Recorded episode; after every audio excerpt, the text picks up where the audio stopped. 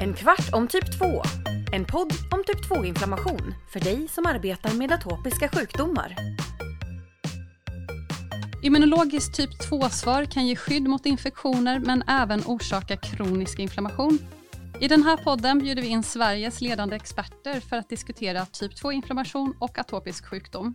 Jag heter Kristina Hermanrud. Och jag heter Anna Reimers. Och vi arbetar som medicinska rådgivare på Sanofi Genzyme.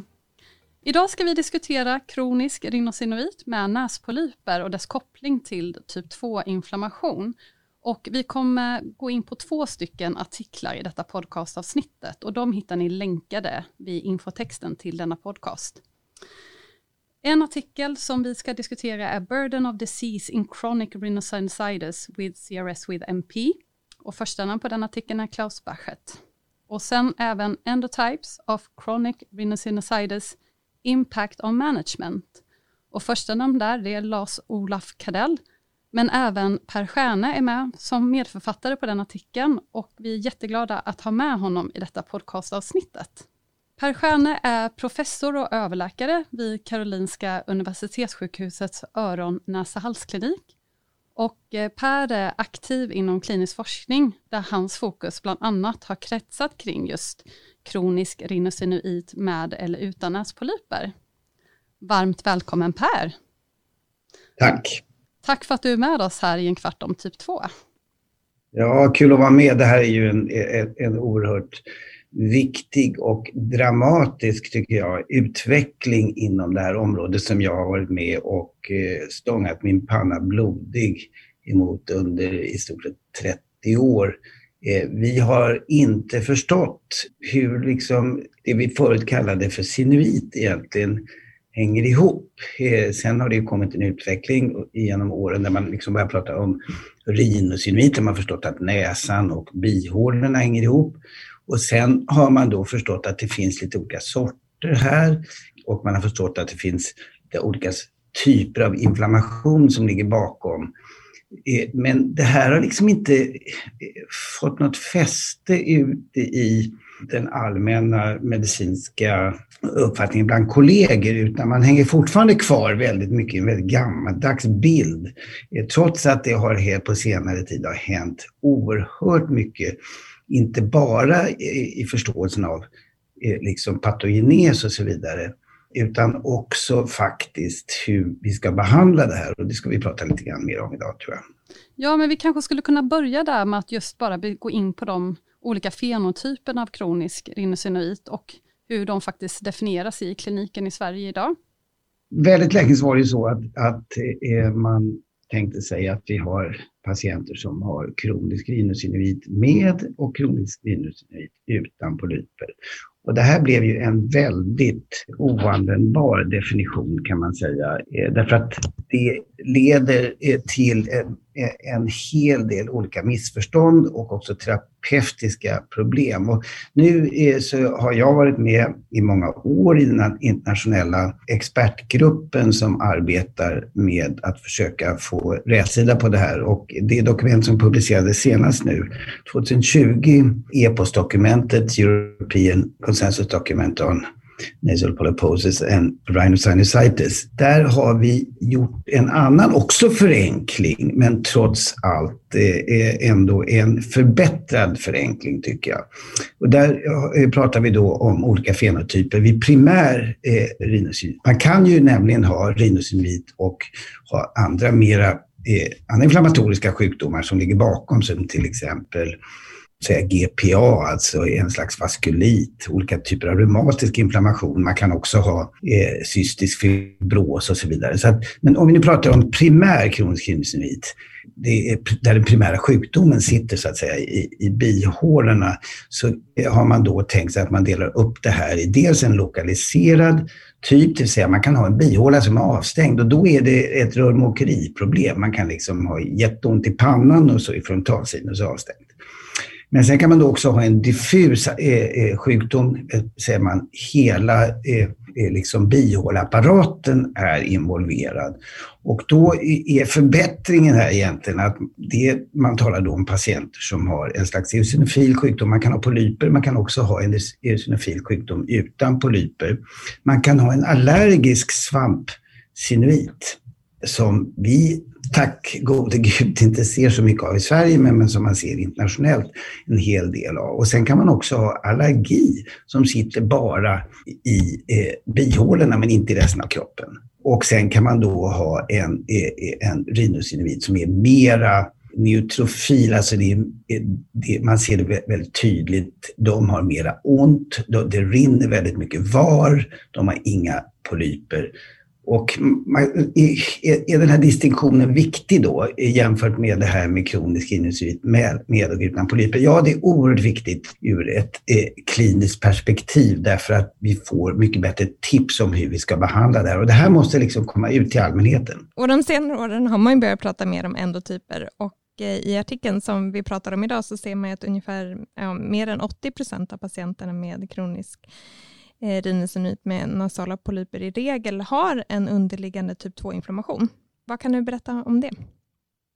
Jo, jag tror att det är viktigt också då att, som jag sa, så är ju den här indelningen som vi pratar om förenklingar och det här med typ 2 och typ 1 inflammation är också, alltså om man är antingen eller, det är också en förenklad förklaringsmodell för att vi ska kunna sortera patienter på ett effektivt sätt ute i, kliniken. Men i verkligheten är det mycket, mycket mer komplicerat än så. Därför att det är ju så att om man säger att en en typ 2 eh, eller icke typ 2 som man pratar om, inflammation, det är ett spektrum, ett kontinuum där man kan vara mest icke typ 2 så att säga, eh, det vill säga ha mer en neutrofil inflammation. Men, men sen så kan det börja glida över så att man ser mera eosinofil inblandning i det här. Och sen så glider det över då tills man har en väldigt våldsam eosinofil inflammation. Men det är ett, det är ett kontinuum det här. Och det gör ju att ibland så är patienter som man tycker verkar vara en icke typ 2, alltså en typ 1 eller typ 3 inflammation, de, de kan egentligen ha lite, eh, så att säga, endotyp, eh, lite typ 2-inflammation som gör att man kan behandla dem också som man behandlar övriga patienter. Eh, men visst, de allra flesta utav patienter med näspolypos har en typ 2 inflammation. De har off, väldigt ofta också astma och ganska ofta NSA-intolerans. Du nämnde ju det här med samsjukligheten och eh, i en av artiklarna kunde vi läsa att det var förekomst av komorbid astma hos upp till 65 procent hos de som hade just CRS med MP. Vad har du för erfarenhet av det i din kliniska vardag? Är det så att du träffar de här patienterna och även kanske andra tecken på samsjuklighet? Ja, jo, men det, det är ett jättestort problem det här tror jag. Därför att för det första så är det så att, att det är väldigt vanligt och alltså man ska ha klart för sig för det första när det gäller näspolypos är det så att om man tittar på hur många eh, personer i Sverige som har polyper i näsan så räknar man liksom ett par, tre, fyra procent. Och ännu mer i obduktionsmaterial. Det är ju inget, inget svenskt material, men, men det är 25-30 procent kanske. Men då är det ju så att som i alla typer av sjukdomar så är det så att, att det finns ju en grupp som har väldigt lindrig sjukdom och så finns det en, en grupp som har ganska svår sjukdom och så finns det en grupp som har måttligt svår sjukdom. Och det som är viktigt här då att förstå det är ju att det finns en klar relation mellan astma och näspolypos. Det handlar ju om att, att det här är en sjukdom som sitter i olika chockorgan. Eh, och eh, ofta pratar man då om en sent debuterande icke-atopisk astma. Eh, och de patienterna får ganska ofta faktiskt nässymptom innan de får astmasymptom. Men det är också helt klart att det finns en grupp patienter med näspolypos som inte har astma, utan tvekan. Och det finns en grupp patienter med sent astma som inte har näspolyper. Så att, eh, men, men det här är helt klart så att det hänger ihop och det är inte är någonting som den allmänna läkarpopulationen så att säga känner till väl. Och därför så är det så också att patienter som går hos en lungläkare med sin astma får ju oftast inte hjälp med sina polyper om de inte specifikt påtalar det. Och en patient som går hos en öron näsa halsläkare med sina polyper får i allmänhet dålig hjälp med sin astma. Och det ställs lite sådana här astmakontrollfrågor som till exempel om du har det svår vaknar och hostar på natten och så vidare, känner du dig andfådd när du anstränger dig och så vidare. Det finns många sådana här grejer som inte görs, för att inte tala om eh, eh spirometri som inte finns på särskilt många öron halsmottagningar. Och eh, för, eh, jag menar, å andra sidan så tittar inte lungläkarna kan inte heller titta i näsan för att det räcker inte med att man tittar med, med pannlampa och spekulum utan här måste man Eh, också titta med, med eh, ett endoskop. Så det är jätteviktigt. Eh, så att, absolut, det här är ju en jätteviktig fråga och det är också så att eh, sannolikt så är det så att behandlingen utav respektive chockorgan också påverkar det andra chockorganet. Och speciellt har vi då pratat om det här med att patienter som har en svår näspolypos som är obehandlad också då eh, riskerar att få en betydligt sämre astma. In, inom astma så jobbar man ju mycket med eh, olika biomarkörer för att definiera de olika typerna av, av astma. Eh, hur är det när man jobbar med nasala polyper eller CRS? Man kan säga att kliniskt så finns ju inte särskilt mycket eh, där. För det första så är det ju så att när det gäller näspolypos och astma så har vi ju, och typ 2-inflammation så vet vi ganska lite om eh, vad det är som driver inflammationen.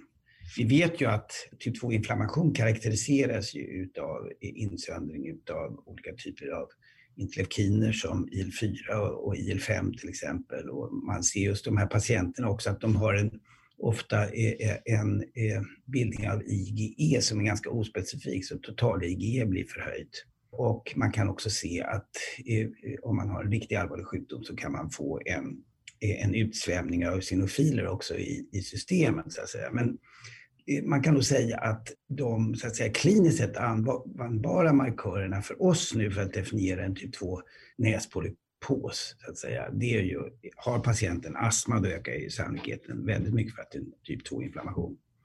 Har patienten för total IgE, då är det ju också eh, mycket talar för det. Och har man i sina polyper eosinofiler så kan man säga då ökar också sannolikheten för att det är en typ 2-inflammation. Sen är det ju så att den här stafylokocken är ju på något sätt involverad i det här.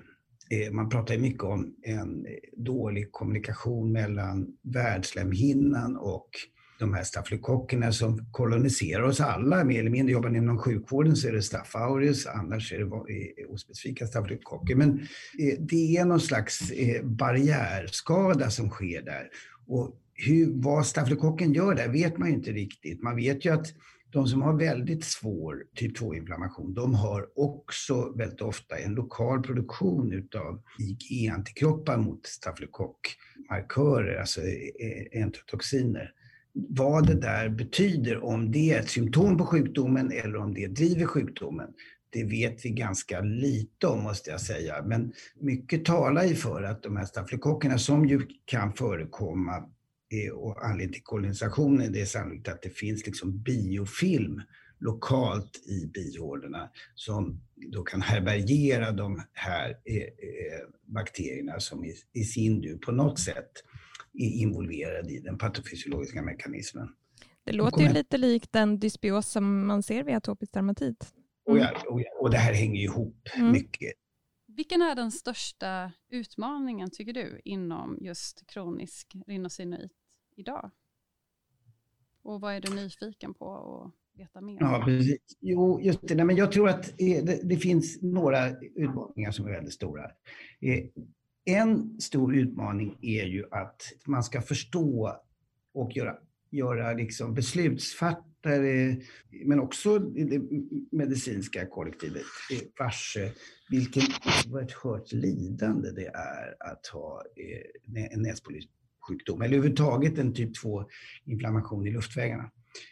Jag tror att eh, folk förstår ju att astma är jobbigt, men, men jag tror att de flesta tycker, ja, lite täppt i näsan, det är väl ingenting. Eh, då förstår man inte alls vilket lidande det här innebär. Eh, och där tror jag att det är viktigt att trycka på att man har gjort, såna här, eh, man har gjort jämförande studier med det man kallar generiska livskvalitetsinstrument, det vill säga instrument där man kan jämföra olika sjukdomar. Och de patienter som har en måttligt till svår näspolypos, de, de skårar i samma härad som patienter med reumatoid artrit eller, eller med njursjukdom eller, e, e, eller hjärtsvikt. Så det, och, och var, varför får de den här sortens livskvalitetsskår? Jo, därför att dels så sover de otroligt illa, vilket innebär att man blir trött på dagarna, man presterar dåligt. Eh, för för andra så är det ju så att de också nästan alla har nedsatt luktsinne, vilket innebär att man, eh, att man liksom dels eh, alla de här varningssignalerna som vi alla är beroende på, inte minst hur man själv luktar, det funkar inte. Men sen också det här som gör livet värt att leva, det vill säga ett gott vin eller god mat eller något sånt där. Det kan de inte heller uppleva. Så det är en, en mycket viktig poäng tycker jag. Sen det, så ska man ju också inte överdriva det här, för det har gjorts i, i Europa på senare år. Där har man pratat liksom att man använt olika typer av enkätsidor och, eh, och försökt närma sig politiker med siffror som 10-15 procent och vissa länder 27 procent. I Portugal till exempel skulle ha kronisk rhinosinuit. Men det är ju en överdrift som bygger på felaktiga siffror och dåliga, eh, tycker jag, då, då, formulär som man har använt sig av och där man inte har undersökt patienterna samtidigt. Det är väldigt viktigt tycker jag. Så det är en ut, jätteutmaning att sätta den här sjukdomen i ett rätt sammanhang och också göra samhället medvetet om vad det här innebär ur ett individuellt perspektiv men också ur ett samhälleligt perspektiv när det är kostnader. Det är dyrt med de här patienterna. Inte så mycket i mediciner eh, ännu så länge, men väldigt mycket tack vare att patienterna alltså de är ju inte borta så mycket från jobbet antagligen, men de presterar sämre när de är på jobbet därför att de är trötta och, och eh, det leder alltså till en, en sämre prestation. Så det, det, tycker jag är en utmaning. En annan utmaning och som jag är väldigt nyfiken på, det är ju hur vi ska kunna få en bra screening, eller vad ska man säga, eh, bra verktyg för att kunna definiera olika endotyper och sedan kunna ta reda på hur ska vi behandla, hur ska vi göra en, eh, det man pratar om personalized medicine, alltså hur ska vi skräddarsy behandling för varje individ. Och, det är, är, är, inte lätt, för som det ser ut idag så är vårdprogrammen som finns väldigt diffusa och många patienter har också svårt att komma till skott och komma till läkare som kan någonting om det här. Eh, det är ett jättebekymmer. Ännu så länge så, eh, så tror jag faktiskt att kunskapen om de här sjukdomarna är så, är så liten så man tycker att det räcker med lite nasalsteroid eller att man ska rycka polyperna i näsan.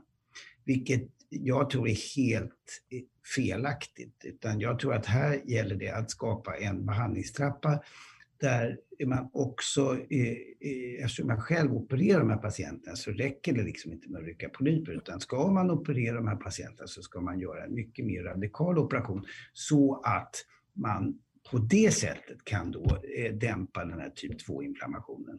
Det finns ju eh, en del beskrivet och då Klaus Bachert som jag jobbar tillsammans med har också gjort en, en, skrivit en bra artikel om det här. Och jag tror väldigt mycket på, på det, inte bara därför att man så att säga avlägsnar T-minnesceller från slemhinnan utan också därför att man gör sig av med, med biofilm etc. Per, stort tack för att du kunde delta med din kunskap och erfarenhet. Stort tack för det.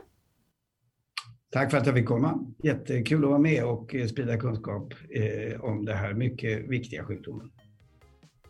I nästa poddavsnitt så har vi med oss Eva Sverimark Ekström från Stockholms universitet och då ska vi diskutera immunologi och graviditet. Tack så mycket för att ni lyssnade in och på återhörande.